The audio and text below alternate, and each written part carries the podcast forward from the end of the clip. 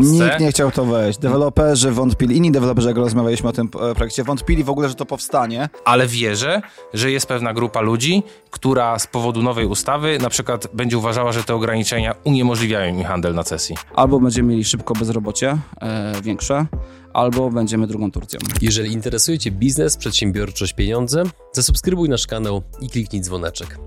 Partnerami przygód przedsiębiorców są Fullbacks, kompleksowa obsługa importu z Chin oraz pomoc na każdym jego etapie. IBCCS Tax, spółki zagraniczne, ochrona majątku, podatki międzynarodowe. YouTube dla biznesu.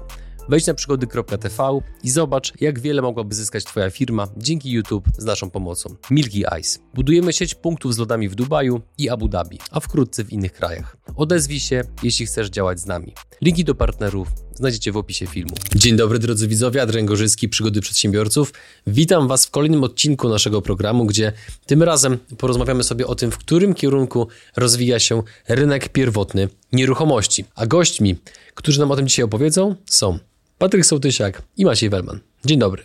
Witamy serdecznie. Cześć. Panowie, to może zacznijmy od tego, co w ogóle konkretnie robicie, jeżeli chodzi o nieruchomości, ponieważ w niektórych kręgach w internecie panuje takie przeświadczenie, że jeżeli ktoś zajmuje się nieruchomościami głównie z naciskiem na szkolenia, no to z automatu jest takie trochę B. Jak to u Was jest? Co głównie robicie biznesowo? Przede wszystkim e, obracamy nieruchomościami na rynku pierwotnym, to trzeba podkreślić. E, z kilku powodów, ale to może gdzieś tam poniekąd wyjdzie w trakcie. I e, robimy to, w, można powiedzieć, w całej Polsce, jeśli chodzi o sześć największych miast. Wypracowaliśmy sobie odpowiednie schematy działania, a że tą wiedzę posiedliśmy, no to dodatkowo prowadzimy szkolenia w tym zakresie. Mhm.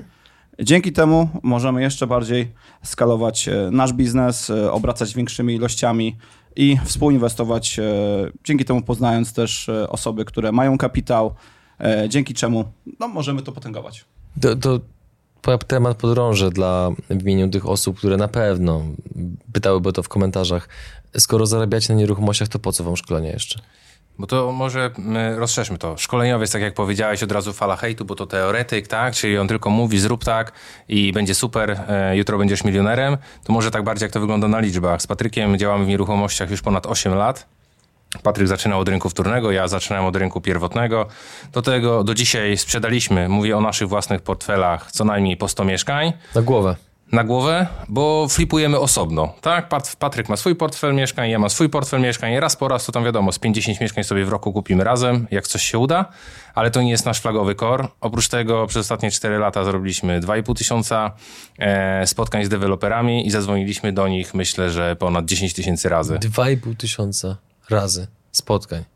Tak, przez ostatnie 4,5 roku jako FNP mhm. i pośredniczyliśmy w transakcjach na zakup tysiąca mieszkań z rynku pierwotnego. Liczyłem, że to, co sprzedaliśmy, to jest ponad pół miliarda złotych. No i ponad 1800 inwestycji przeanalizowanych również przez te, mhm. no można powiedzieć, 6 lat. Także ta teoria, jeżeli chodzi o szkoleniowca, jak najbardziej, no bo uczymy jak zarabiać y, po prostu z obrotu nieruchomościami, ale to jest podparte bardzo mocno praktyką i tak naprawdę jesteśmy podzieleni na zespoły jako FNP po dwie osoby i to, co powiedziałem, to było wykonane przez cztery osoby. Tylko nadal będę drążył. Po co w takim razie uczycie? Żeby budować sobie grupę zakupową, czy żeby zarabiać na szkoleniach, co nie jest wcale niczym złym i też tutaj możemy o tym otwarcie powiedzieć, czy żeby ludzi poznawać, czy macie po prostu misję edukacji, czy po prostu hodujecie sobie konkurencję, żeby było fajniej? No to, to, ja, może, to ja może zacznę. E, zaczęliśmy od tego, że e, inwestowaliśmy, e, Maciej ma swojego wspólnika, ja mam swojego. E, no, w tamtym czasie, pamiętam w 2017-2016 roku, mogliśmy sobie pozwolić na zakup kilku mieszkań, dwóch, trzech, czterech wspólnie, ale zauważyliśmy, że inwestując grupowo, możemy te siły połączyć, dzięki czemu możemy uzyskać dużo lepsze warunki zakupowe niż byśmy chcieli. Czyli dalej wchodzimy w projekt, a że wchodzimy w ten projekt po prostu w większej skali, dzięki temu deweloperzy e, byli bardziej ustępliwi. Czyli grupa zakupowa. Tak jest, dokładnie. No i robiliśmy to na początku przy obiedzie. Czyli tak jak ty przychodziłeś, my ci tłumaczyliśmy zasadę gry, a że obiad trwa godzinę, dwie, mhm. no to niestety nie każdy y, do końca wyszedł z tego spotkania z pełną świadomością i wiedział w co dokładnie wchodzi i dlaczego. Dlatego stwierdziliśmy, że jak już mamy poświęcić więcej czasu, e, mianowicie dwa dni, e, żeby wszystkie zasady gry tak naprawdę na tym rynku wytłumaczyć, no to chcemy to zrobić większy, przy większej ilości osób. Stąd e, właściwie marka FLP. A jeżeli chodzi o tą konkurencję, o której wspomniałeś, to przez ostatnie 4 lata deweloperzy oddali plus minus pół miliona mieszkań. Już nie będziemy wchodzić dokładnie w szczegóły, bo ta liczba z roku na rok e, bardzo mocno rosła. To nawet jak my kupiliśmy tysiąc mieszkań przez 4 lata, to jest tak mały procent, a rynek jest tak duży, że naprawdę starczy miejsca dla nas wszystkich a też świadomość tych inwestorów, a przede wszystkim świadomość klientów też z roku na rok rośnie.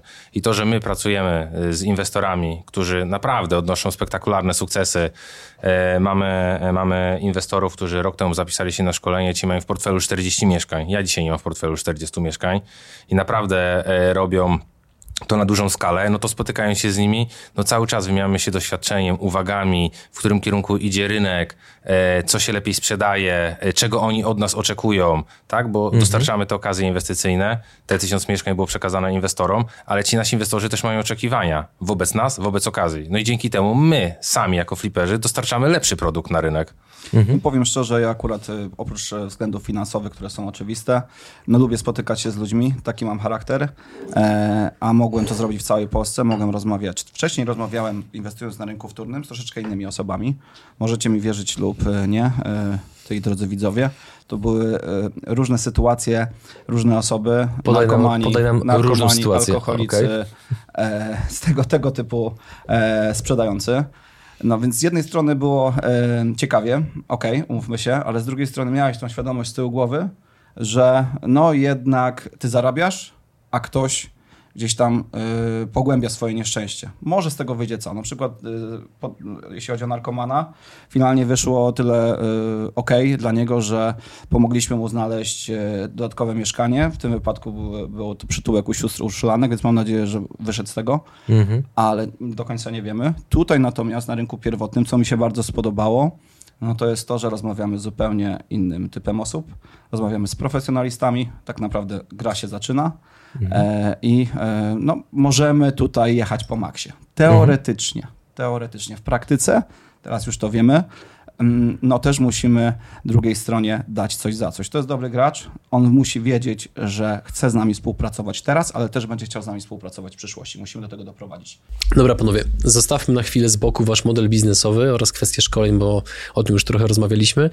Powiedzcie proszę, jaka jest wasza perspektywa na to, w którym kierunku pójdzie rynek, biorąc pod uwagę wszystkie zmiany dotyczące stóp procentowych, inflacji, cen materiałów, robocizny oraz szeregu innych czynników. Jak na to patrzycie? Powiem tak, nie mamy szklanej kuli i tak naprawdę co przyniesie rynek, to są tylko i wyłącznie nasze przemyślenia na podstawie tego, co czytamy, na podstawie rozmów z inwestorami i rozmów z klientami, ponieważ sprzedajemy swoje mieszkania. I to by trzeba było rozgraniczyć. To, o czym powiedziałeś, czyli te czynniki zewnętrzne, które istnieją, czyli wysokie stopy procentowe, no teraz ta cena tych surowców, e, ograniczona podaż deweloperów rok do roku, lipiec do lipca, czyli lipiec 2.3 do lipca 2.2 e, deweloperzy e, spadła jakby poziom wniosków o 46%. Ja sobie zdaję sprawę, że w czerwcu do czerwca, do 30 czerwca obowiązywała stara ustawa deweloperska. Wszyscy deweloperzy, którzy mogli, sprzedali to jedno mieszkanie, żeby być na starej ustawie, bo ona jest tańsza. Od lipca weszła nowa ustawa i to miało znaczący wpływ. Ja się zgadzam. Lipiec do czerwca spadek jest 42%. To jest Dla osób, które nie wiedzą, czy możesz wprowadzić się trochę bardziej w to, Liczba tą pozwoleń na budowę. A Okej. jeżeli chodzi o nową ustawę deweloperską, to ona będzie dla dewelopera droższa. Jest coś takiego jak deweloperski fundusz gwarancyjny i na deweloperskim funduszu gwarancyjnym deweloperzy mieli, tak jak bankowy fundusz gwarancyjny, zrobić składkę od 0,4 do 1% na rzecz e, tego, że jak deweloper zbankrutuje, to z tego funduszu pieniądze będą przelane na pomoc temu deweloperowi.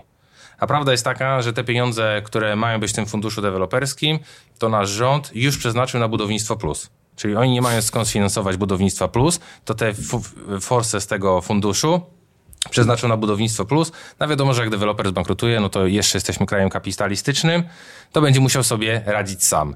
Ustawa deweloperska nie obowiązuje do pozwolenia na budowę, tylko do przeniesienia własności. I tutaj chcieli ukrócić e, troszeczkę możliwości fliperom, inwestorom. I kiedyś, jak podpisywałeś umowę deweloperską, jako jednoosobowa działalność gospodarcza, czyli Adrian Gorzycki, ale JDG, podpisywałeś umowę deweloperską i mogłeś się scedować na mnie jako osobę fizyczną. Dzisiaj Mhm. musisz podpisać umowę przedstępną i nie możesz tego mieszkania wypuścić klientowi takiemu, który kupuje dla siebie. Tak, zablokowali możliwość spekulacji na mieszkaniach. Prawda jest taka, że my jakby sposób Czyli na to... nie można zarabiać na cesjach. Nie można zarabiać na cesjach, obracając jako JDG lub jako spółka, ale mówię, prawda jest taka, że my zaczynając już szkolenia, prowadzić szkolenia, inwestować na tym rynku 4,5 roku temu, już jakby znaleźliśmy wyjście z tej sytuacji, więc ta ustawa w naszym przypadku w ogóle niczego nie zmienia. Po prostu wdrożymy rozwiązanie na szerszą skalę, to, które mieliśmy już 4,5 roku temu opracowane, y, działając na spółkach. I jak Także- nie mamy na tym, nie możemy powiedzieć teraz tym rozwiązaniu, tylko to ludzie się dowiadują na szkoleniu. No, nie mam tyle czasu, żeby to wyjaśnić, bo nie Jasne. jesteśmy Jest to- w 5 minut, nie wyjaśnię teraz, jak to działa, ale na spółkach ZOO funkcjonujemy od bardzo dawna. No ja powiem szczerze, że ja pierwszą działalność gospodarczą otworzyłem jak miałem 18 lat, pierwszą spółkę ZOO jak miałem 21 i siedzę na spółkach i na wacie już no to będzie z 16 lat, tak? No bo mam 34, więc dość długo, więc te rozwiązania, które są po prostu normalne w biznesie, gdzieś tam przekładamy po prostu do obrotu nieruchomościami, ale wierzę, że jest pewna grupa ludzi, która z powodu nowej ustawy na przykład będzie uważała, że te ograniczenia uniemożliwiają im handel na cesji. Em, No tutaj y, zmiany w, ustawie deweloperskiej to jest jedna rzecz, ale jak sama, jak, jak y, zadałeś pytanie, którą stronę pójdzie rynek pod kątem jakby przeszkód, które są stawiane deweloperom, to jest jedno, ale biorąc pod uwagę zwykłego Kowalskiego i inwestorów, którzy gdzieś tam sporadycznie inwestowali, lub nawet tych, którzy budują skalę, te pytania się pojawiają co roku, można powiedzieć, nie tylko dzisiaj. to jest taka klasyka już to jest praktycznie. klasyka. Co, Co lipiec, będzie? co Tak. lipiec, szczególnie zadawane były pytania, w którą stronę w moim kierunku, w którą stronę uważasz, że pójdzie rynek. No i z reguły nie było takich czynników jak e, dzisiaj. E, Za każdym razem co roku jest coś innego, a tu w 2019 już była zaostrzana polityka kredytowa, już uważano, że się rynek skończy. Potem nagle przyszedł COVID i polityka kredytowa zupełnie się poluzowała, także mieliśmy zerowe stopy procentowe. Dzisiaj, e, dzisiaj wracamy do punktu wyjścia, czyli znowu mamy coraz to bardziej gdzieś tam te kredyty ukracane.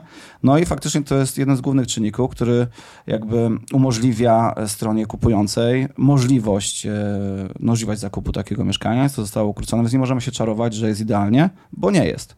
E, 60% w tej chwili osób kupujących, czyli kredytobiorców, można powiedzieć, troszeczkę z rynku wypadło e, albo się zastanawia. Częściowo z, z tych osób e, są, są, są takie osoby, które tą zdolność powiedzmy mają, ale gdzieś tam w tej chwili jeszcze nie kupują, e, no bo nie wiedzą, czy stopy pójdą dalej do góry, czy jednak będą spadać, czy na stałym oprocentowaniu mają nabyć nieruchomość, czy na zmiennym. Z drugiej strony mamy taką sytuację, to też bardzo często porównywałem e, przy tych pytaniach, e, to co, to co w danym momencie jest, jak zadawane są te pytania do 2008 roku, w którym był kryzys i ta bańka, bo wszyscy mówią, że już bańka, już, już, już mamy na- napuchnięty balon i to zaraz pęknie. No trzeba zwrócić uwagę, że w 2008 kryzys wynikał w ogóle z rynku nieruchomościowego i rynku kredytowego.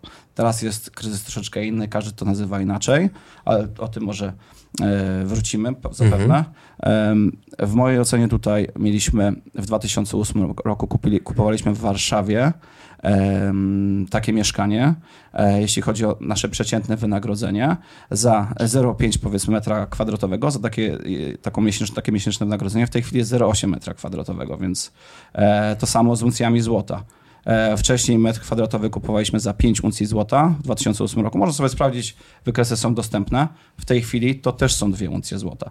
Więc no nie jesteśmy tutaj cenowo odklejeni od rzeczywistości. E, idziemy razem z, e, z możliwościami zakupowymi. Kwestia jest, kredytów spada ilość transakcji. To upraszczając, jest coraz lepiej czy coraz gorzej? No, Jeżeli chodzi o ten kraj, to jest cały czas tak samo. Dla gotówki, dla gotówki jest lepiej, z drugiej strony dla klienta kredytowego no nie ma takiej możliwości zakupu, więc e, tutaj kwestia tego, kiedy, kiedy powrócimy do normalności, jeśli chodzi o możliwości kredytowe, czy to, e, czy to będzie w najbliższym czasie, czy to się będzie wydłużało.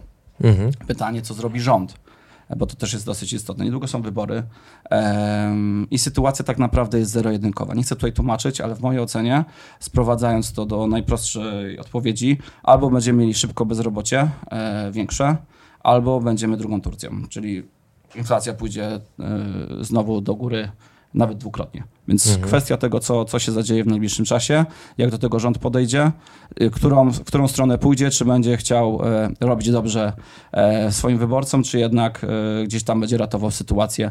No bo tak naprawdę tego, tego nie wiemy, to jest niewiadoma. Wierzysz w to, że będą ratowali sytuację? Zamiast spróbować wygrać trzecie wybory chyba po raz jestem pierwszy. pewien, nie będę wchodził w szczegóły. Robię swoje, a to jak będzie, no to się. Jestem, jestem, jestem, mam scenariusz na jedną i drugą. Ale jakby to przełożyć na nasze, żeby tak powiedzieć konkretnie, to, to w naszej ocenie segment mieszkań małych, no bo teraz wróćmy do tego rynku nieruchomości. Segment mieszkań małych to zakłada, że to są mieszkania do 45 metrów dwupokojowe lub ewentualnie jakieś tam 48, 51, trzypokojowe. To zawsze kupował klient, który płacił gotówką. Znaczy zawsze mówimy o tym, co jest 78 pro- 70-80% rynku, tak? Mówimy o takim ogólnym obrocie.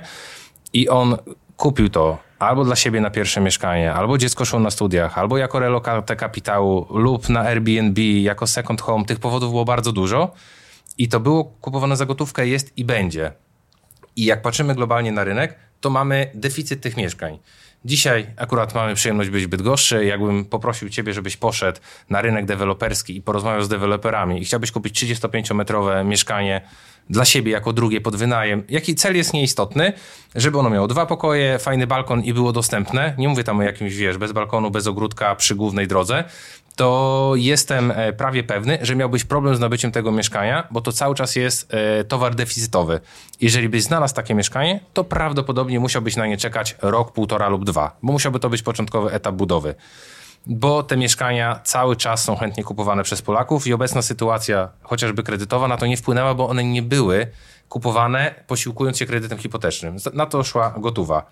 Ale segment mieszkań między 55 a 75 metrów, czyli cała klasa średnia, która w dużej mierze posiłkowała się kredytem hipotecznym, nawet nie na cały zakup, ale na 60, 50% wartości nieruchomości, ona cię wyparowała z rynku. Dzisiaj, tej, dzisiaj tego klienta nie ma. Nie ma, mam na myśli, że wyparowało z niego 70-80%. Oczywiście pojawiają się transakcje, ale lwia część z nich jest gotówkowa. Dużo mniejszy wolumen po prostu. Dużo mniejszy wolumen i znowu mieszkania premium. To tak jak obserwujemy na podstawie e, tego, co się dzieje i nawet, że chcemy kupować mieszkania premium, to ten ruch powie, powie że nie, nie chciałbym powiedzieć, że jest wyższy, ale on cały czas jest stabilny i dobry. Jeżeli ktoś kupuje mieszkanie w zależności od miasta, ale powiedzmy za milion, półtora, bardzo często jest to klient, który płaci gotówką. No teraz miałem ostatnio taką sytuację, sprzedawałem je e, w Poznaniu mieszkanie za milion sto. Umówmy się, że na Poznań to jest dużo, dlatego że w Poznaniu nie ma rynku premium. Jesteśmy jedynym dużym miastem, gdzie nie mamy inwestycji premium, gdzie nie mamy osiedli premium. Pół premium. Nazwijmy sprawę po imieniu. Przyszła para, e, około 45 lat i on powiedział, że zdecydował się na zakup tego mieszkania, ponieważ były trzy miejsca postojowe, ma sporo samochodów, chciałby je tam parkować i kupuje mieszkanie e, dla żony na emeryturę, 45 lat mieli, gdyby mu się coś stało, żeby nie mieszkała w domu. I to mieszkanie i tak z założenia na razie będzie stało. I ci e, ludzie, którzy kupują te bardzo drogie nieruchomości, tak jak na przykład ostatnio e, koło Gdańska kupowaliśmy mieszkania, gdzie po 26 tysięcy złotych za metr płaciliśmy. 26 tysięcy. Tak, w pierwszym etapie kupowaliśmy te mieszkania po 17 500, e, 4 lata temu. Nasi inwestorzy sprzedali je po 26, jak był wybudowany drugi etap. My teraz kupiliśmy mieszkania po 26, czyli 40 metrów po ponad bańkę, bo wiemy, że w kolejnym etapie te mieszkania będą dużo, dużo, dużo wyższe. Jest rok do zakończenia inwestycji, tam prawie mieszkanie nie zostało. Dzwonię ostatnio do, e, e, do pani z biura sprzedaży, którą już bardzo dobrze znałem, bo kupiliśmy tam mieszkanie od tego dewelopera za ponad 30 milionów. I mówię, pani Aniu, czy my możemy coś dobrać jeszcze? Oczywiście na ściśle określonych warunkach. I ona właśnie mówi, że no tutaj ta inwestycja, nie będę teraz e, wymieniał nazwy, Oczywiście. e, mówi, że jest naprawdę wyjątkowa na tle całego ich portfolio, bo co najmniej raz w tygodniu ma klienta, który przychodzi. Przypomnę tylko, że te mieszkania to są lokale usługowe. Tak? I tam nie wchodzi kredyt hipoteczny w grę, tam wszyscy płacą gotówką.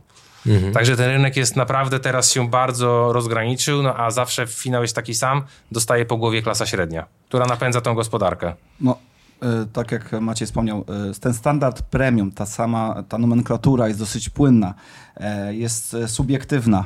Dla jednego premium może oznaczać dla drugiego budżetową nawet inwestycję i na tyle jest, jeszcze, jest coraz bardziej świadome, ale jeszcze na tyle nieświadome, że czasami no niestety ta różnica się zaciera. W przypadku klienta, który wcześniej mieszkał w blokach z wielkiej płyty i pierwszy raz podjął decyzję o tym, że chce coś kupić na rynku pierwotnym, więc jednak w 70 procentach rynek pierwotny to klasa średnia. No i tutaj, tak jak Maciej wspomniał, e, jeśli chodzi o małe mieszkania, tego się nie boimy, to widzimy, że rok e, rocznie rosło. Nawet w 2008 roku małe mieszkania się broniły, dzisiaj też się będą broniły oczywiście w rozsądnej cenie, no bo to, to też kwestia do zastanowienia, trzeba odpowiednio przeanalizować e, sytuację. Natomiast najbardziej ucierpią segmenty y, mieszkaniowe, większe, 55-70 metrów mieszkania trzypokojowe, no bo to jest klient, który który posiłkował się najczęściej kredytem hipotecznym, a, te, a, to, a ten kredyt hmm. hipoteczny umarł. Więc tutaj upatrujemy nominalne, realne, nawet nominalne korekty, które e, będą się wiązały z tym, że no, te mieszkania jednak zostają deweloperom. Z reguły większość znika, ale jak już coś zostaje, to, to tego typu mieszkanie. Dlaczego? No bo taki właśnie jest klient. To jest rodzina z dzieckiem. A czego nie ma rodzina z dzieckiem? No nie ma czasu. Mhm. Przede wszystkim nie ma czasu, e, więc jak jeszcze ma do tego e, wykończyć takie mieszkanie, e, jechać do Kastoramy, e, wybrać płytki, to no to już jest rozwód, nie? Już jest, od... ja wiem, bo byłem też e, w tym procesie, więc e, jakbym miał teraz sobie kupić... Ale się dom, nie rozwiodłeś. Tak, nie rozwiódł się, nie, nie, nie, blisko. Jak teraz bym miał sobie kupić większe mieszkanie, dom, no to i, i, zresztą już przymierzamy się do tego, gdzieś tam e, analizowaliśmy sytuację, no to niestety nie ma takich e, wykończonych e, domów segmentów 120-metrowych. Nie ma tego rynku. Jeśli chodzi o ogólną liczbę gotowych mieszkań, to jest w tym momencie 7%. To są właśnie te duże, te duże mieszkania. No i teraz trzeba było się zastanowić, od tak ułożyć plan inwestycyjny w oparciu o tą obecną sytuację, o, szczególnie obserwować rynek pod tym kątem, bo może się okazać, że to, co dzisiaj nie schodzi, będzie najlepszą okazją za rok, za półtora roku. Tylko trzeba odpowiednio wiedzieć, jak sobie te mieszkania zarezerwować i mieć odpowiedni plan, plan na nie, tak, żeby ewentualnie przy zakupie e, móc walczyć z inflacją, która być może będzie rosła. Mhm. Czyli m, e, mieć szansę bicia tej inflacji. Są alternatywy w postaci najmu. Wykańczamy takie mieszkanie, wystawiamy je do sprzedaży. Możemy sobie to mieszkanie wynająć. Nie ma znowu mieszkań wykończonych 70-metrowych w dobrym standardzie. Też możecie sobie rynek e, zobaczyć. E, także jest zawsze alternatywa, można przeczekać, odpowiednio tanio kupić. E, sytuacja sprzed tygodnia. E, w Gdańsku mieliśmy ofertę na trzy mieszkania, trzeba kupić trzy. Rabat od dewelopera w wysokości 1500 zł za metr kwadratowy, czyli z 8 tysięcy 8 złotych na 6,5 za metr kwadratowy. To chyba przyjemnie, co? No to już jest bardzo y, przyjemnie. Jeżeli będzie odpowiedni pomysł i wszystkie ryzyka y, będą oszacowane, że możemy nawet takie mieszkanie sprzedawać rok, no to w przypadku, kiedy wynajmiemy sobie takie mieszkanie, będzie tam to rekompensowało nawet ratę kredytową, jeżeli byśmy chcieli skorzystać z kredytu hipotecznego, no to może się okazać, że za półtora roku, kiedy rynek wróci do normalności, kiedy kredyty hipoteczne dalej zaczną funkcjonować, to to będą najwyższe zyski. Bo mhm. wiemy, bo Maciej, tak jak Maciej wspomniał, milion sto jego mieszkanie, które sprzedawał, no to, e, to tutaj zysk był dosyć spory. Nie wiem, czy Maciej chce się tym dzielić, ale dobrze wie. No powiem szczerze, dość wysoki. Jak dla mnie to rekordowy 350 tysięcy. Mhm. Także uważam, że no, stopa zwrotu była satysfakcjonująca.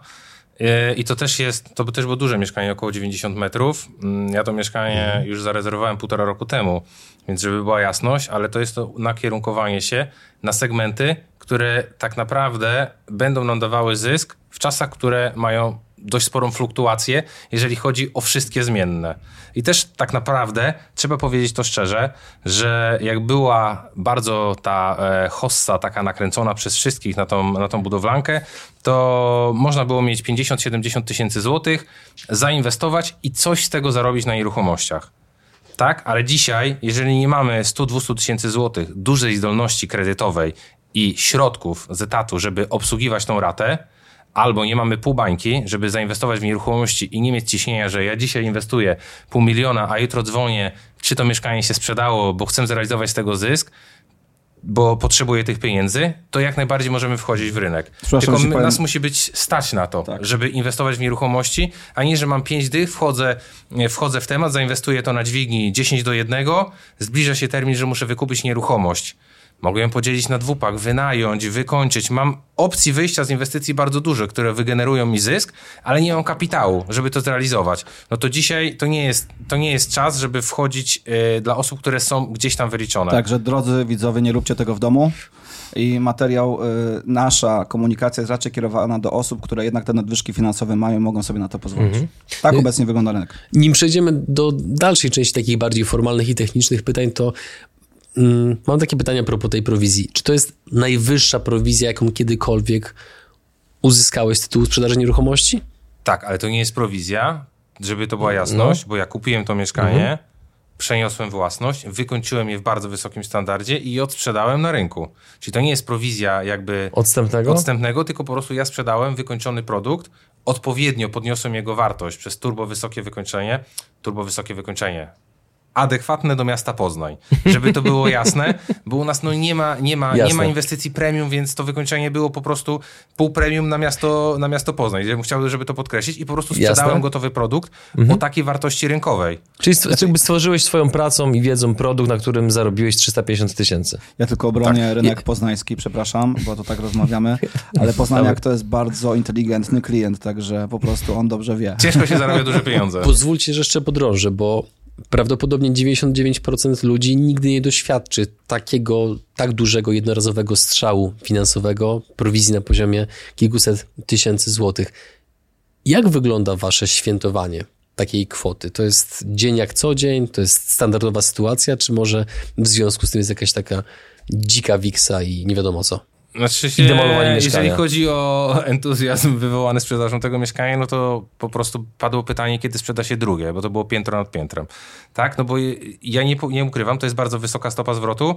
Jakby nie, nie średnio jak mamy, o, bo wiesz co, my No pracujemy nie, mów, nie Maciej, na kwotach. się, trochę nie, się cieszyłeś, trochę się cieszyłeś. Bo Eee, Maciej nie, no, ja naprawdę... nie, nie, mówię, nie mówię, że byłem smutny, nie? No, w to, no, no uznałbym, że chyba jesteś tutaj coś nie tego, gdybyś Nie, był nie, nie, smutny. ja nie mówię, że byłem smutny, nie? Maciej tego nie okazuje. Eee, Ale jakby jak jesteś w biznesie, to e, ja się, ja się zastanawiam, kiedy sprzedam kolejne mieszkanie, bo muszę zaraz wykupić kolejne mieszkania, żeby Jesteś je, w procesie cały żeby czas. je zamielić i okej, i to nie jest tak, że ja wziąłem to i poszedłem i kupiłem sobie szampana, no bo szampana i tak mam w zamrażarce cały czas, jakby to nie o to chodzi, tylko, że to jest, jak, jak, jak, jak prowadzisz biznes, ja robię biznes już 16 lat, nie? E, poszedłem na studiach, to mogę tak na szybko powiedzieć, byłem na studiach 3 miesiące, poznałem Patryka, poznałem Patryka żonę i poznałem mojego wspólnika, z którym robi flipy, nie? I stwierdziłem, że e, nie mam na to czasu, bo muszę prowadzić własny biznes. Nawet tata mi powtarzał, po co ty idziesz na te studia? Nie ma czasu. Za, zajmij się, czy, że- żeby zacznij coś robić. Ja mówię, nie idę, bo wszyscy idą, nie? Poszedłem na te studia, no ale trzy miesiące uważam, że warto. Polecam każdemu iść na studia. Mam kontakty do końca życia i dzięki nim jestem tu dzisiaj, gdzie jestem. Dzięki tym ludziom, którym poznałem. Ale ja to pamiętam na tamten czas, to było 14-15 lat temu w Poznaniu, że moi znajomi ze studiów pracowali w, na przykład w Ikei czy gdzieś tam e, w jakiejś knajpie, na pół etatu zarabiali między 600 a 900 zł, nie? a ja wtedy miałem już ratę za auto 240 z salonu. Ja po prostu nie mogłem sobie na tamten czas pozwolić na studiowane niedzienne. Oczywiście zrobiłem zaocznie magistra, bo mama chciała, żebym miał dyplom, no więc poszedłem na te studia zaoczne, też wydałem na to 5 dych na te zaoczne i oprócz tego kwitku, który przyniosłem do domu, no to nie za wiele mi to dało, nie? E, aczkolwiek nie, bo mam kum, kumpla, którego tam poznałem, był dyrektorem sprzedaży jednego dewelopera, także... Zwróciło się, tak? Także zwróciło się, dobra, to to pięć dych odrobiłem, nie? Które, które zainwestowałem w edukację. E, ale uważam, że warto, żeby poznać ludzi, nie? No bo jednak no, tak myślę, że te osoby, które coś, coś chcą więcej od życia, pójdą na te studia, niekoniecznie dzięki nim będą zarabiać jakiekolwiek pieniądze, chyba, że to są studia takie specjalistyczne typu, wiadomo, medycyna, prawo czy tam politechnika, ale, ale warto iść e, w tym kierunku. No dobra, ale co z tą radością? No to by, było, była ta, było to świętowanie, czy po prostu tylko to, okej, odhaczone, idziemy do no, ale... następnego? No, Znaczy Maciej się, Maciej się trochę tego wyniku spodziewał. E, To było tak wyliczone, myślę. nie? To nie jest tak, że to było zaskoczenie. Także... My, my akurat na tej inwestycji pracowaliśmy, można powiedzieć, przez prawie 5 lat. E, na wszystkich trzech etapach. Ja akurat zacząłem, kupiłem pierwsze takie mieszkanie, ostatnie, które było e, wykończone, większe. Swoje zarobiłem. e, Ile to jest swoje? No wtedy było 160 tysięcy. No to E, chyba też i dobrze, Już co? potwierdziliśmy Ale to było sobie... 2-3 lata temu, nie? Tak, to był pierwszy etap. Wtedy już sobie potwierdziliśmy, że duże mieszkania, takie, to było takie 88-metrowe, chodzą. No i roz, roz, rozpatrzyliśmy tę inwestycję i jakby rozłożyliśmy ją na czynniki pierwsze. Wiedzieliśmy dokładnie, jacy klienci przychodzą na te inwestycji. Y, Ja z Maciejem troszeczkę mam inną strategię działania. Ja mm, przyjmuję zawsze wróbla w garści. Nie szukam gołębia na dachu. E, Maciej troszeczkę gdzieś tam e, te, te, te gołębie są, ale jak widać się ziściło. E, to było, mamy po 9 mieszkań. Ja sprzedałem na przykład wszystkie, ale na małym wkładzie, e, ponieważ e, częściowo sprzedawałem mieszkania na 15% wkładzie, zarobiłem 100 tysięcy, częściowo na 30. E, sytuacja powtarzalna. Maciej stwierdził, że wszystkie mieszkania wykupi, żeby, żebyśmy się nie gryźli. E, więc ja zacząłem, swoje zrobiłem, e, odhaczyłem, a Maciej teraz po prostu realizuje dalej. Ja idę w inne tematy w tym momencie, testuję inne rzeczy, Okej. a Maciej dalej maksymalizuje e, ten Znaczy, zysk. Ja może nie zdradzę tutaj kwot, bo aż tak e, tutaj otwarci nie jesteśmy, bo wszyscy nas słuchają w tym kraju, nie wiadomo kto dokładnie, ale żeby to po- pokazać na, na liczbach, to Patryk mniej więcej obraca 40 mieszkań w roku teraz zrobiłeś w zeszłym i w tym zrobisz? Tak. Mniej więcej, a ja dla porównania zrobię 7, może 8 mieszkań, ale wynik finansowy mamy bardzo mocno zbliżony. I to też jest akurat ciekawe, że te strategie są skrajnie różne, oparte o rynek pierwotny. W ogóle nie masz tu sugestii, że ta jest lepsza, ta jest gorsza. One po prostu mamy cel określony, czyli tam chcielibyśmy pracować na 100% w skali roku. Nie zawsze się to udaje. Nawet jak zrobimy 60, umówmy się, czy 50 od kapitału, to jest bardzo dobrze. Ale Patryk ma inną strategię, no bo przez tą ilość mieszkań, inne segmenty. Ja mam tych mieszkań 5 razy mniej, no ale tak naprawdę do ciebie należy wybór, jak dostaniesz od nas wiedzę, czy bierzesz coś z tego, coś z tego, albo sobie... Albo łączysz. Albo łączysz, albo wybierasz. Także no, rynek pierwotny jest naprawdę bardzo szerokim rynkiem nieruchomości. Jest tu wiele możliwości. Można wynajmować, y, robić dla inwestorów, gotowe projekty pod klientów, wykańczać, sprzedawać gołe mury. No, jest tego multum opcji, tylko trzeba wiedzieć, jak do tego podejść. I, no, I nie popełnić kosztownych błędów na początku, nie? No bo moim zdaniem, jak ja zaczynałem flipować na rynku pierwotnym 8 lat temu, to nikt tego nie robił. Jak rozmawialiśmy z innymi osobami, jak ja rozmawiałem, mówię, słuchajcie, róbmy to na rynku pierwotnym, bo można to robić. To uwierz mi, że rynek wtórny był królem tego świata. Jak ja mówiłem, że robię mieszkanie na pierwotnym, to się ludzie śmiali, że to niemożliwe, że nie ma na klienta, bo to trzeba kupić mieszkanie do totalnego remontu, wyremontować je, ten przysłowiowy granat i sprzedać na rynku. Nie było flipów w ogóle robionych na rynku pierwotnym, to był ewenement. Ale ja mówię znowu, kurczę, no tak, ale ja mam wpuścić ekipę, dwa miesiące tam ugrzęznąć, to jest bez sensu. Są zamożni ludzie w tym kraju i dzisiaj jest, uważam, ich zdecydowanie więcej niż było 8 lat temu. No tutaj trzeba e, przede wszystkim mieć na uwadze to, bo często zadawane są nam pytania, no dobra chłopaki, tak jak Maciej wspomniał, jaką wydajecie wartość? Jak wy kupujecie i sprzedajecie mieszkania w trakcie budowy? No to co wydajecie tym klientom tak naprawdę? To wy spekulujecie. Świetne pytanie. No Dziękuję, że mnie wyręczasz. Dawaj. No z jednej Często strony pada tak, w naszą stronę, nie? no z jednej strony tak, ale z drugiej trzeba wziąć na uwagę to, że my bierzemy ten y, bark ryzyka, y, my rezerwujemy te mieszkania na wstępnych etapie budowy, nie wiemy do końca, czy się wybuduje. Em, i Wpłacamy zadatki bardzo Wpłacamy często. zadatki, e, ryzykujemy, ale wybieramy najlepsze mieszkania możliwe, które są na początku inwestycji. Takie, które mają jakiś dodatkowy, ciekawy taras, albo po prostu, które są płynne y, i wartościowe dla docelowego klienta, y, przedsiębiorcy, który wynajmuje mieszkania i który nie będzie miał z tym problemu. Czyli 35 metrów to jest taki najbardziej płynny produkt obecnie, dwupokojowe mieszkanie na rynku, bo tego to najszybciej znika. E, No i bierzemy ten balast i czekamy, e, tak? Znaczy czekamy. Właśnie tutaj mm, może nie czekamy. Ustawiamy sobie plan inwestycyjny. I teraz e, też to jest ta wartość. Jeżeli, natomiast nie zakładamy, że my to mieszkanie sprzedamy w trakcie budowy, nie, nie, nie bierzemy tego jakby pod stu- 100% gwarancję. My tak sobie układamy ten plan inwestycyjny, jeżeli wchodzimy w projekty ym, y, gdzieś tam na wstępnym etapie, że z tyłu głowy zawsze mamy, że my będziemy musieli do nich wejść, wykończyć je i standardowo sprzedać. Czyli tak jak zawsze się dzieje w przypadku klasycznego e, flipa. Natomiast jeżeli będzie sytuacja sprzyjająca na rynku, w ramach danej inwestycji, deweloper się wyprzeda z danego segmentu, który rezerwujemy, no to wtedy przystępujemy do sprzedaży. I mamy taką możliwość, bo negocjujemy odpowiednie warunki w umowie, żeby ta możliwość była. Więc ja po prostu kieruję się stopą zwrotu i dlatego stąd moja strategia. Jeżeli mogę, to sprzedaję w trakcie budowy. Do tej pory tak robiłem, teraz rynek e, weryfikuje sytuację, dalej to robię, E, ale docelowo musisz tak poustawiać plan inwestycyjny, Okej, okay, jeżeli jest sposobność, sprzedajesz w trakcie budowy, ale docelowo ty w niego, do, nie, do, tego mieszkania wchodzisz. Jeżeli to jest małe mieszkanie, to sprzedajesz stan deweloperski, no bo jest małe i płynne i takiego produktu, umówmy się, na rynku nie ma. Mhm. To, co sobie już e, potwierdziliśmy. Można sobie zobaczyć, e, nie pamiętam, który numer wykresu raportu Narodowego Banku Polskiego, 7% e, mieszkań jest gotowych w ofercie i nie ma tam takich małych mieszkań 35-metrowych. Więc jak wystawisz takie mieszkanie 35-metrowe gotowe, do którego będziesz mógł wejść, będziesz miał klucze, no to nie musisz tego mieszkania mieszkania wykańczać. No chyba, że nagle będzie wysyp mieszkań małych, e, gotowych. No ale... ale... żaden plan tego w tym kraju nie przewiduje, bo deweloperzy nie mogą kroić tylko małych mieszkań, no bo miejsca postojowe znowu ich ograniczają. Ale tak cały czas mówimy o sobie, o sobie, że nam tak dobrze idzie. Ja się bardzo cieszę, że jakoś radzimy sobie na tym, e, na tym rynku, ale zaraz ktoś będzie miał obiekcję, no okej, okay, oni siedzą 8 lat w rynku, tyle tych mieszkań przerzucili, już było lepiej, gorzej, no to można powiedzieć, że nam jest trochę łatwiej. Tak, ale mamy też absolwentów naszych warsztatów, to co wcześniej powiedziałem, którzy naprawdę odnoszą mega, e, mega sukcesy. Mm, I to jest też tak, że czasami e, robimy te same mieszkania, bądź podobne w jednym bloku. Mieliśmy kiedyś taką przyjemność, e, że zadzwonił do nas deweloper, akurat byliśmy w Gdańsku, bo mieliśmy szkolenie, czy chcemy kupić blok. Ja mówię, że chcemy, że to jest fajny pomysł. No to czy możemy przyjechać? Siedliśmy z Patrykiem w auto, przyjeżdżamy z Trójmiasta do Łodzi, poszliśmy na dwugodzinne spotkanie i deweloper mówi, to ja wybuduję blok tylko dla FNP. System płatności był taki, że wpłaciliśmy 10% wartości nieruchomości. Bro, blok był wart 9 milionów z miejscami postojowymi, z komórkami lok lokatorskimi już do sprzedaży. Taka była cena. Więc zainwestowaliśmy 900 tysięcy złotych, mając do obrotu nieruchomości za 9 baniek. No to przy wasz, sile waszej społeczności to, to jest jakaś w ogóle drobna kwota do 900 koła, nie? To jest takie... No jest to Proszę. niedużo, bo my nominalnie też z Patrykiem mieliśmy 6 mieszkań, łącznie tam kupiliśmy 28 mieszkań, my tam mieliśmy też 6, to nominalnie mm, w jedno mieszkanie inwestowaliśmy, my mieliśmy małe, około 19 tysięcy złotych, ci co mieli większe to inwestowali po 24 tysiące, po 26, nie?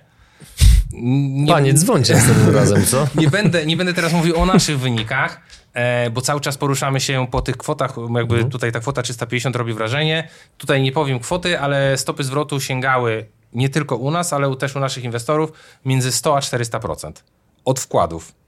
I podzieliliśmy się z tymi, tymi mieszkaniami z naszymi inwestorami, e, gdzie oni rzeczywiście, część z nich sprzedawała, tak jak Patryk mówi, gołe mury na etapie budowy. Część gołe mury, jak budynek już stał. E, spora grupa e, inwestorów wykańczała te mieszkania i sprzedawała gotowy produkt. Mało tego, część sprzedawała mieszkania pod zlecenie klienta, czyli ja tobie sprzedałem mieszkanie, zrealizowałem zysk za to, że ci sprzedałem gołe mury i potem jeszcze zrealizowałem zysk za wykończenie mieszkania, bo prawda jest taka, że dzisiaj jest deficyt dobrych ekip. Ale wracając do tych warunków, to wyobraź sobie to, że daliśmy mu te 900 tysięcy złotych deweloperowi, odebraliśmy klucze, sprzedaliśmy te mieszkania, wykończyliśmy, a te całe 9 baniek zapłacili nasi klienci. My nie zainwestowaliśmy tych pieniędzy nawet na 5 minut. Mhm. Jakby tutaj jest ten element dźwigni, bo mieliśmy jeszcze pół roku czasu do odbioru kluczy, żeby spłacić całą należność. Mogliśmy tam mieszkać, wykańczać to, robić cokolwiek innego, więc jakby te możliwości rynku pierwotnego na tle rynku wtórnego są tak olbrzymie, że naprawdę jesteśmy znaleźć, y, naprawdę jesteśmy w stanie dla siebie znaleźć płaszczyznę, na której będziemy się czuli pewnie, swobodnie i z opcją bezpiecznego wyjścia. Bo dzisiaj chyba zaczną się pojawiać pytania nie to, ile procent mogę zarobić, mhm. tylko czy ja bezpiecznie wyjdę z inwestycji. Czy, czy przede wszystkim musimy kierować produkt e, do aktywnych klientów, którzy, którzy obecnie kupują mieszkania na rynku. Po prostu. Powiedzcie mi jeszcze panowie taką jedną rzecz, bo to akurat się tyczy zupełnie innej branży, ale pozwólcie, że nie będę zdradzał z jakiej.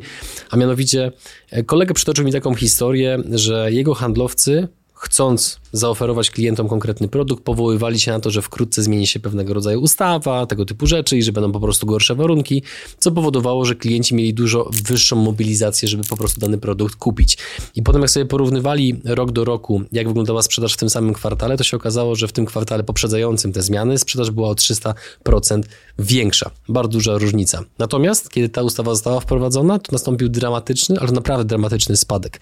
Ten mój kolega zarządzający tymi handlowcami sprawdził sprawdził sobie wtedy swój CRM i okazało się, że ten dramatyczny spadek nie wynika tylko i wyłącznie z tego, że zmieniły się uwarunkowania rynkowe, ale również w dużym stopniu z tego, że handlowcy nagle zmniejszyli natężenie telefonów do klientów, umawiania się na spotkania o jakieś górne kilkadziesiąt procent, co tylko i tak naprawdę nakręciło całą spiralę odczuwania tego po prostu bardzo silnego spadku. I teraz taka puenta i wniosek, który mam z tej historii, taka obserwacja, to fakt, że generalnie niezależnie od sytuacji rynkowej, zawsze są pewne szanse, które po prostu, jeżeli działamy aktywnie, to z czasem będziemy w stanie dojrzeć. I czy zgadzacie się z taką interpretacją tej historii, czy też nie? Jak to mówi nasza y, dobra koleżanka, y, pośredniczka z Warszawy, po prostu musimy tańczyć w deszczu i, i się do tego przyzwyczaić. Mhm. Na szczęście jeszcze żyjemy w kapitalizmie i Jeszcze. rynek e, jeszcze tak. I rynek na tą chwilę wolny, no to jest może złe określenie, że on jest wolny, ale jest w dużej mierze uwolniony, tak? Jeżeli chodzi o rynek nieruchomości, to można przyjąć, że jest wolny. Nie mówię teraz tutaj o surowcach, paliwach kopalnych i tak dalej, to tam wolny on nie jest, ale ta nasza branża na szczęście ma ściśle określone ramy. Jest ustawa deweloperska, która obowiązuje już wiele lat i ta ustawa deweloperska, ona jest napisana po to, żeby mnie i ciebie i Patryka chronić. Kiedyś była wolna amerykanka, deweloperzy podnosili o 1000 zł z metra dnia na dzień, z dnia na dzień za metr e, cenę mieszkania, wypowiadali umowy, nie płacili generalnym wykonawcom. To były złe czasy dla rynku nieruchomości, ponieważ było bardzo wiele skutków ubocznych. Ustawa została napisana po to, żeby chronić. Teraz ustawa deweloperska, o której wiemy, że będzie z półrocznym wyprzedzeniem, czy chyba z rocznym, mogliśmy się do tego przystosować, znaleźć wyjścia, rozwiązania. Ona ma tak naprawdę nadrzędny cel chronić konsumenta przy zakupie nieruchomości w stosunku do dewelopera. Czyli na, dla osób, które od nas odkupują mieszkania i dla nas, dla fliperów, dla fliperów powiedzmy trochę mniej, ale to dla, w naszym biznesie nie ma żadnego, żadnej różnicy. Ona ciebie, nadrzędna funkcja to ona ma cię chronić. Ty masz być w 100% bezpieczny, że jak ten deweloper zbankrutuje, wyjedzie na Bahamy, nie wybudujesz tego mieszkania, chociaż takich przypadków w Polsce to się umówmy jest 1% albo mniej, to ty nie stracisz swoich oszczędności. No, ale Więc to działa na musiał- plus dla osób kupujących te mieszkania dla siebie na własność. Będziesz musiał więcej za to zapłacić po prostu. Mhm. Trochę. Nie ma nic za darmo. To za to bezpieczeństwo y, musimy płacić. My powiedzmy, że po tym y, rynku się poruszamy swobodnie, więc y, też nawiązaliśmy relacje na przestrzeni tych pięciu lat z deweloperami y, i podpisując umowę przedstępną, czyli nie będąc w ustawie deweloperskiej, no gdzieś tam ponosimy to ryzyko, ale umówmy się, deweloper przecież buduje w oparciu o ustawę deweloperską, więc wystarczy po prostu wziąć zapisy, które są w umowie e, deweloperskiej i skopiować je do umowy przedstępnej. I robi się bardzo, e, bardzo podobnie w tym momencie. To jakbyście odpowiedzieli w kontekście całego minionego 20-minutowego e, bardzo ciekawego wątku a propos tego, co się dzieje obecnie na rynku. To Jakbyście odpowiedzieli na bardzo proste i konkretne, uważam, pytanie, z, którą, z którym pewnie wielu widzów i słuchaczy przyszło. Warto teraz inwestować, czy nie? Mm, No ja uważam, że zawsze jest dobry moment na inwestycje. Obojętnie jaka to byłaby dziedzina, czy nieruchomości, czy dobra, może nie kryptowaluty, bo tutaj bym za szeroko poszedł, nie będę się w tej kwestii wy, wypowiadał, ale jeżeli masz wiedzę i masz jakiś ściśle określony cel i to, co powiedzieliśmy na początku, jesteś zabezpieczony finansowo, tak, no to kupujesz mieszkanie z myślą o tym, że je odsprzedasz. Jeżeli cokolwiek się zmieni, rynek najmu poskoczył w Poznaniu o 30% od stycznia do dzisiaj.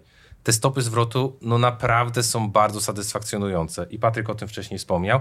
To jeżeli coś się wydarzy, to ty możesz to mieszkanie wynająć, będziesz się wynajmował przez dwa lata, przyjmijmy 24 miesiące, weźmiesz z tego najmu, nie bądźmy pazerni, 60 tysięcy i potem dołożysz marżę, tą, którą planowałeś, 100 tysięcy, to i tak finalnie po dwóch latach wychodzisz na 160 tysięcy, a to, co by się działo z pieniądzem, gdybyś mm, go trzymał nominalnie w skarpecie na koncie na lokacie, dzisiaj lokaty są między chyba w granicach 6,5-8%, nie? No to i tak no, ochronisz kapitał i zrealizujesz zysk, który da ci po prostu coś na koniec. No bo trzymanie ci pieniędzy na koncie w momencie, kiedy nie podejmiemy z, z nimi żadnych działań, czyli trzymamy je na koncie oszczędnościowym, czyli jest 2,5-3% na koncie, koncie oszczędnościowym, no to chyba jest najgorsze rozwiązanie, ale gdybym nie miał wiedzy... Zresztą lokaty są do 6%. Lokaty tak, konto oszczędnościowe 3, lokaty są do 6%. 6, a 6-7%. E, dlatego mówię, nawet gdybyśmy trzymali, no to i zainwestowałbym, ale uzbroiłbym się w wiedzę, nie? Nie, nie podjąłbym Mm. takiej decyzji, że idę i kupuję to mieszkanie, bo pani w biurze sprzedaży mi powiedziała, że jest dobre, a po badaniu rynku widzi, że ono jest 2,5 tysiąca powyżej średniej w Bydgoszczy. Akurat będziemy się odnosić do Bydgoszczy, bo jesteśmy. I ty sprzedasz to mieszkanie z zyskiem, tak? Ale za 12 lat. Dzisiaj, dzisiaj, Więc wiedza, wiedza, wiedza i dopiero potem ruchy. dzisiaj łatwiej jest o błąd, także no trzeba po prostu e, gdzieś tam od każdej strony, czy to od e, samych indywidualnych cech nieruchomości, co kupujemy, e, jakie, od której strony powiedzmy świata, z jaką ekspozycją, jakie jest położenie tego mieszkania, co widzimy, jaka jest najbliższa okolica, po fakt, jakie są warunki w umowie, jakie mamy opcje wyjścia z umowy, bo dzisiaj sam system 1090, który jest, bo na to się wielu inwestorów łapie, że deweloper pisze maila, że jest akcja promocyjna. yy, W tym miesiącu możesz nabyć nieruchomość, e, które są w trakcie budowy i będą dostępne za rok e, w systemie 1090. Ok, ale pytanie, jaka jest cena? Czy nie jest odrealniona od rzeczywistości? Czy jest w rynku, ale powiedzmy jest dużo lepszy standard inwestycji? Czy jest standard średni, ale e, już wychodzimy e, e, z ceną poniżej rynku, a jeszcze możemy wynegocjować dodatkowe, lepsze warunki cenowe? A mając system 1090, no to wtedy faktycznie można w taką inwestycję wejść. Jeżeli jest po prostu sytuacja rynkowa albo ponadrynkowa, a masz system 1090, no to, to trzeba się trzy razy zastanowić. I tu wam na chwilę wejdę w słowo, bo zbliżając się powoli do końca, powiedzcie jeszcze proszę, no bo zakładam, że nie wszyscy widzowie, słuchacze trafią waszą, waszą salę szkoleniową, nie wszyscy będą współpracowali. Więc dla tych, którzy chcą pójść własną ścieżką, jasne, jak najbardziej jest to możliwe, to gdybyście mogli chociaż tak odrobinę zdradzić, na co powinni szczególnie uważać, zwłaszcza tak jak powiedziałeś przed chwilą, Patryk, że o błędy teraz jest stosunkowo łatwo. Na co powinni szczególnie inwestorzy uważać na rynku pierwotnym, żeby nie wtopić, mówiąc kolokwialnie. Jeżeli uważasz, że z tyłu głowy, że nie przeanalizowałeś wszystkiego, to przede wszystkim czytaj umowę. Drodzy widzowie, no niestety to ma 30 stron, ale trzeba taką umowę e, przeczytać, trzeba się z nią, z nią zapoznać, przede wszystkim zobaczyć, jakie masz e, możliwości wyjścia z sytuacji, czy są em, zaproponowane odpowiednie zapisy, które ci to umożliwiają e, i też e, ile możesz stracić wchodząc w takie mieszkanie i chcąc je obrócić. Oczywiście też e, trzeba wziąć pod uwagę ewentualne finansowanie na zakup takiej nieruchomości, żeby było z tyłu e, głowy.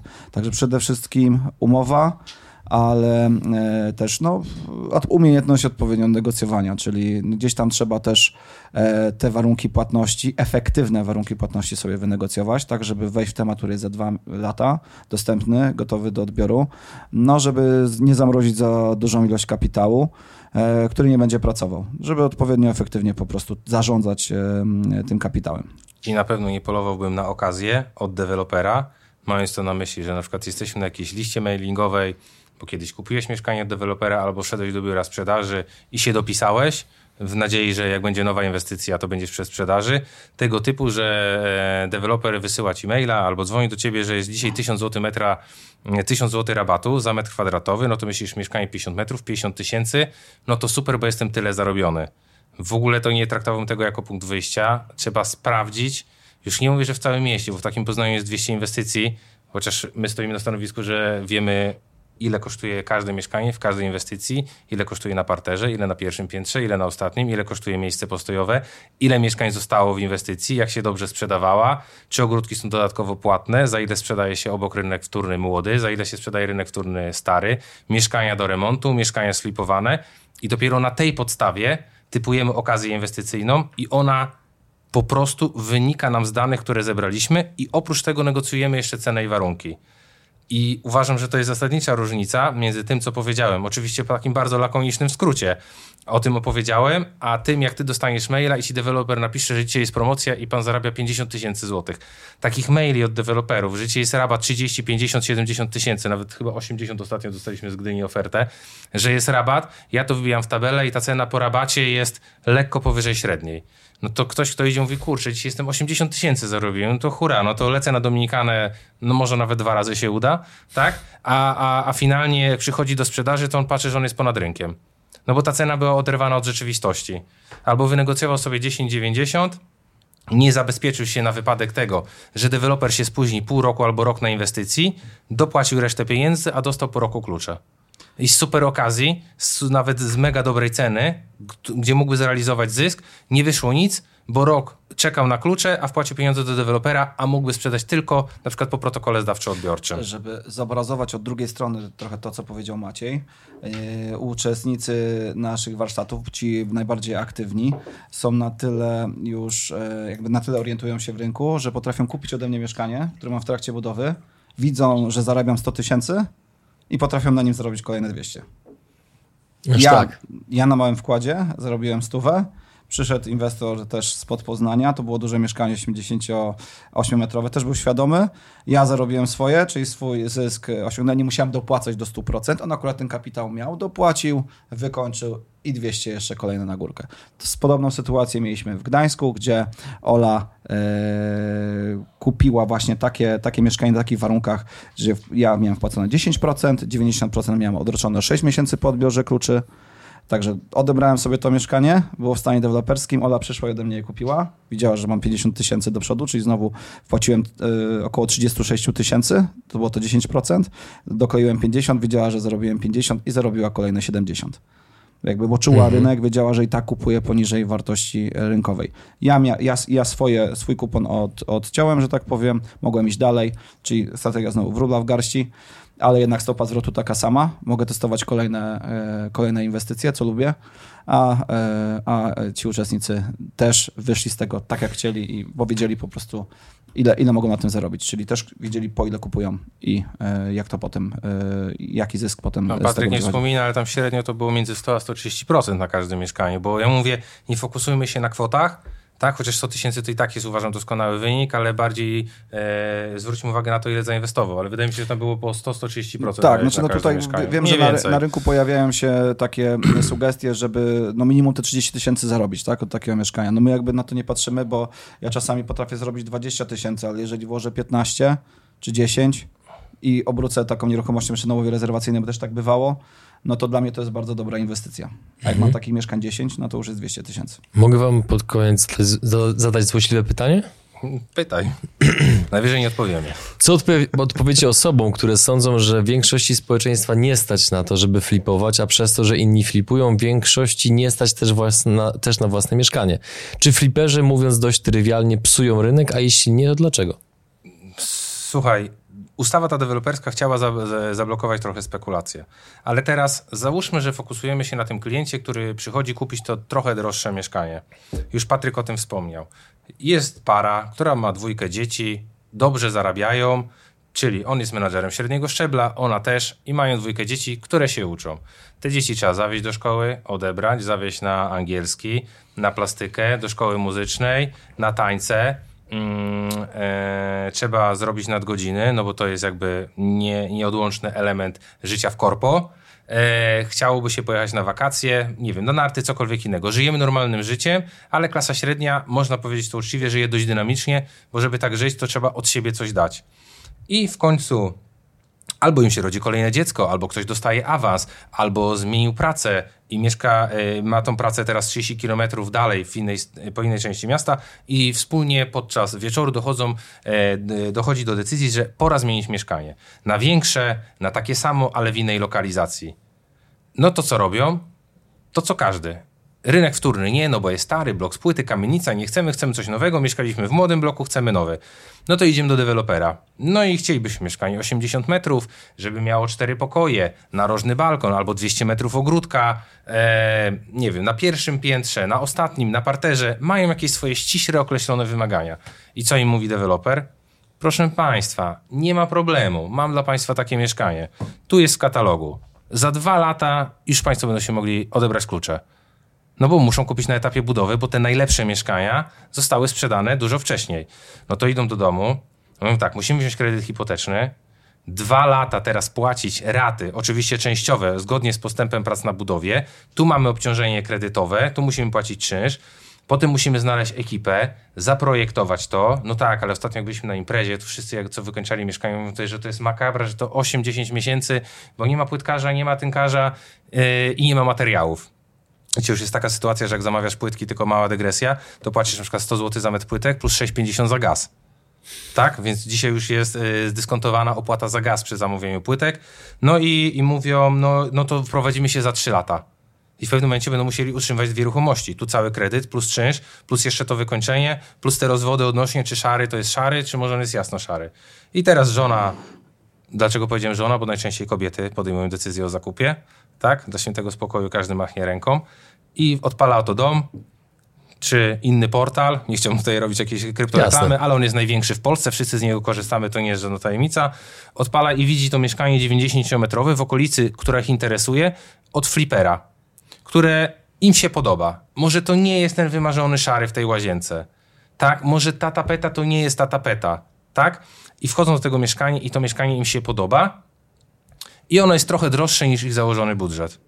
To teraz ta osoba, którą stać na zakup tego mieszkania, czy ona bierze kredyt hipoteczny, czy posiłkuje się gotówką, to czy ona przez te trzy lata, które by miała robić na tamto mieszkanie, jest w stanie wypracować te nadgodziny, żeby zapłacić nam stówę odstępnego i żeby kupić co? Co ona od nas kupuje oprócz tego mieszkania? Co jest naszą najcenniejszą walutą? Czas.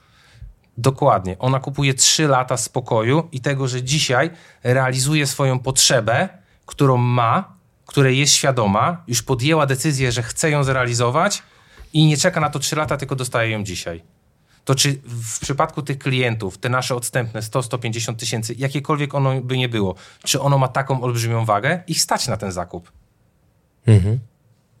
Czy rynek jest wolny? Do, do odważnych i sprytniejszych e, świat należy, ale to jest coś za coś. My podejmujemy to ryzyko na wstępnym etapie.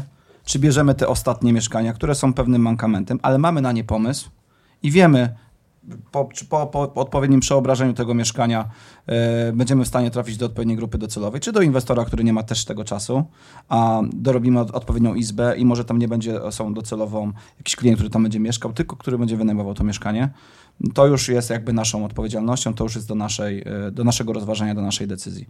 A p- pamiętam, jak jechałem z klientką w windzie, a oglądała moje mieszkanie wykończone i y, miała pewne zastrzeżenia co do lokalizacji, nie do końca jeszcze była pewna, ale tak sobie jechaliśmy, rozmawialiśmy, przy okazji chciała skorzystać y, z porady i mówi do mnie, y, proszę pana, ale to tak teraz bo właśnie szukam, no nie wiem, jeszcze się muszę zastanowić, bardzo ładne to mieszkanie, ale tak teraz te ekipy remontowe, to było mieszkanie 50-metrowe, no to ile takie całe wykończenie takiego mieszkania, już do, do, do takiego stanu, jaki pan ma?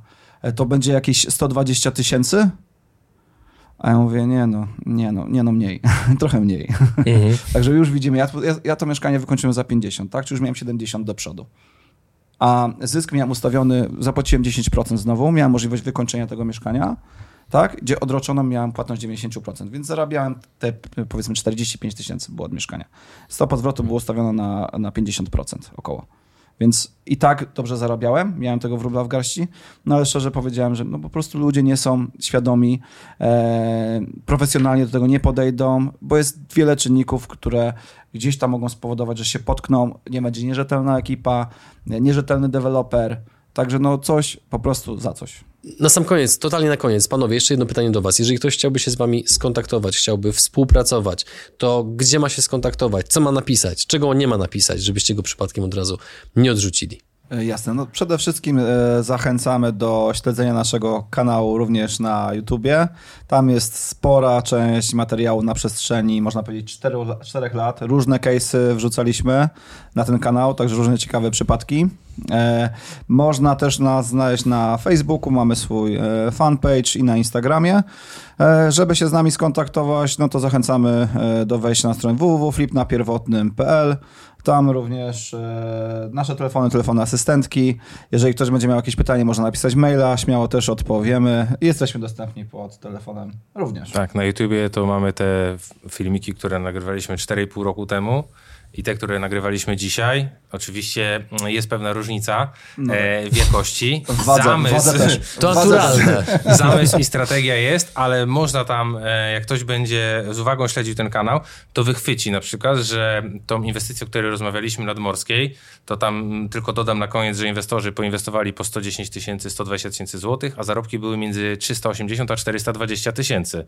Czyli to też bardzo dobre wyniki, tak naprawdę najwyższe w historii FNP, ale tam będzie pokazane, pokazane, jak podejmowaliśmy decyzję o zakupie tej inwestycji, gdzie było puste pole, przez płot władowaliśmy się na działkę dewelopera, stał taki stary wrak zardzewiałego statku i tam kumpel z drona e, nas nagrywał i szedł z kamerą w takim polu i mówimy, że tu będzie inwestycja, którą będziemy sprzedawać po półtora bańki. To Tak. nikt nam nie wierzył w całej Polsce. Nikt nie chciał to wejść. Deweloperzy wątpili, inni deweloperzy, jak rozmawialiśmy o tym e, projekcie, wątpili w ogóle, że to powstanie.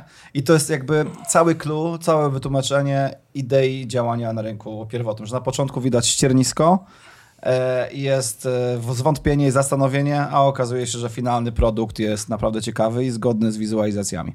Tak, a teraz ostatnio wrzuciliśmy trzy odcinki, które pokazują, jak ta inwestycja wygląda. Ona jest w trakcie budowy i tam jest pokazane, jak absolwenci naszych warsztatów opowiadają, jak to jest zarobić 400 z mieszkania, inwestując tylko 100 tysięcy złotych. Także mówię, trzeba mieć to na względzie, że jest różnica na przestrzeni tych lat, e, jeżeli chodzi o to, no jak podajemy tą wiedzę. Wiedza jest cały czas ta sama. Nieruchomości, ale szukajmy nowych rozwiązań na rynku. Drodzy widzowie, słuchacze, dotarliśmy do końca tego odcinka. I na koniec powiem tylko, że jeżeli chcielibyście osobiście poznać i porozmawiać z Maciejem i z Patrykiem, to będą oni obecni podczas Święta Kapitalizmu 2. Nie wiem, czy są jeszcze bilety, bo akurat nie zarządzam ich sprzedażą, ale jeżeli jesteście osobami, które się spóźniły, przegapiły tą informację, no to po prostu napiszcie na eventy małpa przygodyprzedsiębiorców.pl eventy pisane przez V, adres mailowy macie w opisie tego filmu. Być może Julia oraz Ola po prostu zwyczajnie Wam pomogą. Z naszej strony to tyle. Żegnamy się z Wami i widzimy się w kolejnym odcinku. Dziękujemy serdecznie za zaproszenie i dziękujemy widzom, że zostaliście do końca. Dzięki bardzo.